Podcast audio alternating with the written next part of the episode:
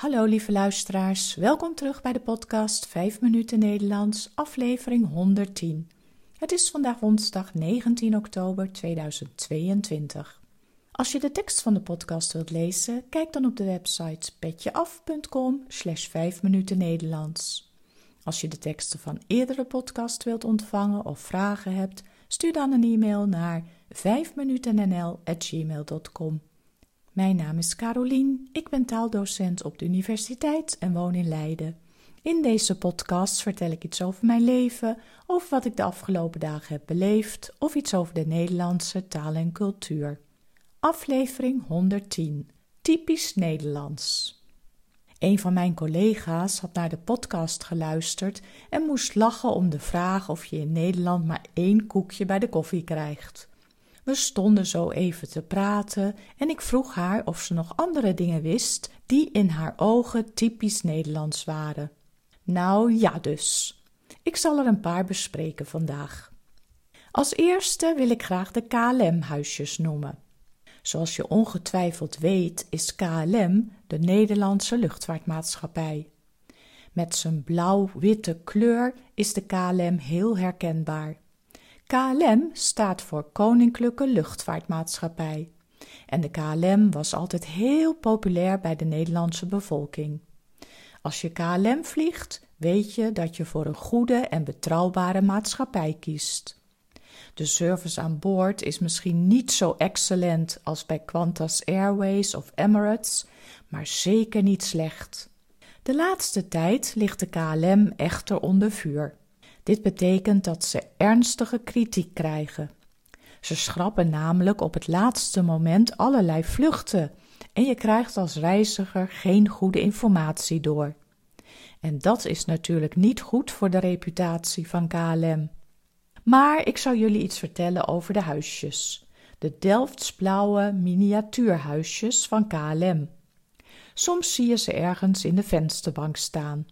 Je krijgt zo'n huisje als je business class vliegt op een intercontinentale vlucht. Dus niet binnen Europa. Elk huisje heeft het uiterlijk van een echt Nederlands gebouw. Ze bestaan al sinds de jaren 50. Ieder jaar op 7 oktober verschijnt er een nieuw huisje. De huisjes zijn gevuld met sterke drank, met jenever. Er zijn ook lege huisjes.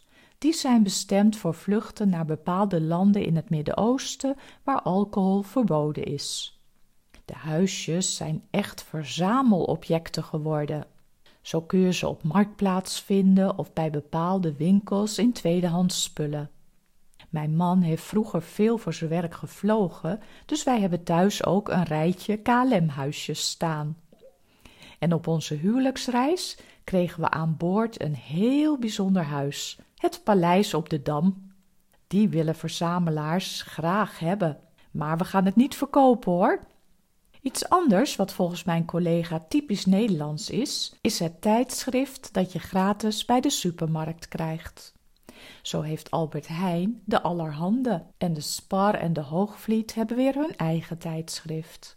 Iedere maand vind je hierin artikelen over eten en producten die in de supermarkt verkrijgbaar zijn. En natuurlijk ook veel recepten.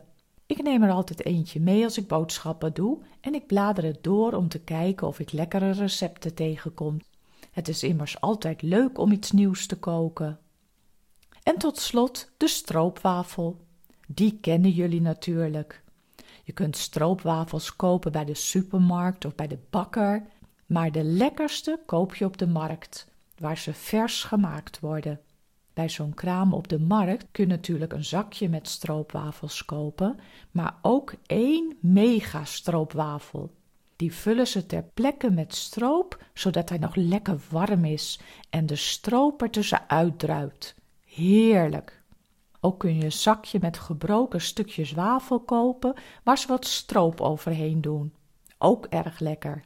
We hebben daar een uitdrukking voor, om je vingers bij op te eten bovenstaande lijst is natuurlijk niet volledig. Mochten jullie dingen tegenkomen die je typisch Nederlands vindt, laat het me dan weten op 5minutennl.gmail.com. Dan kom ik er een andere keer weer op terug. Dit was het voor vandaag. Veel dank voor het luisteren. Ik wens jullie een hele fijne week en tot de volgende keer. Dag!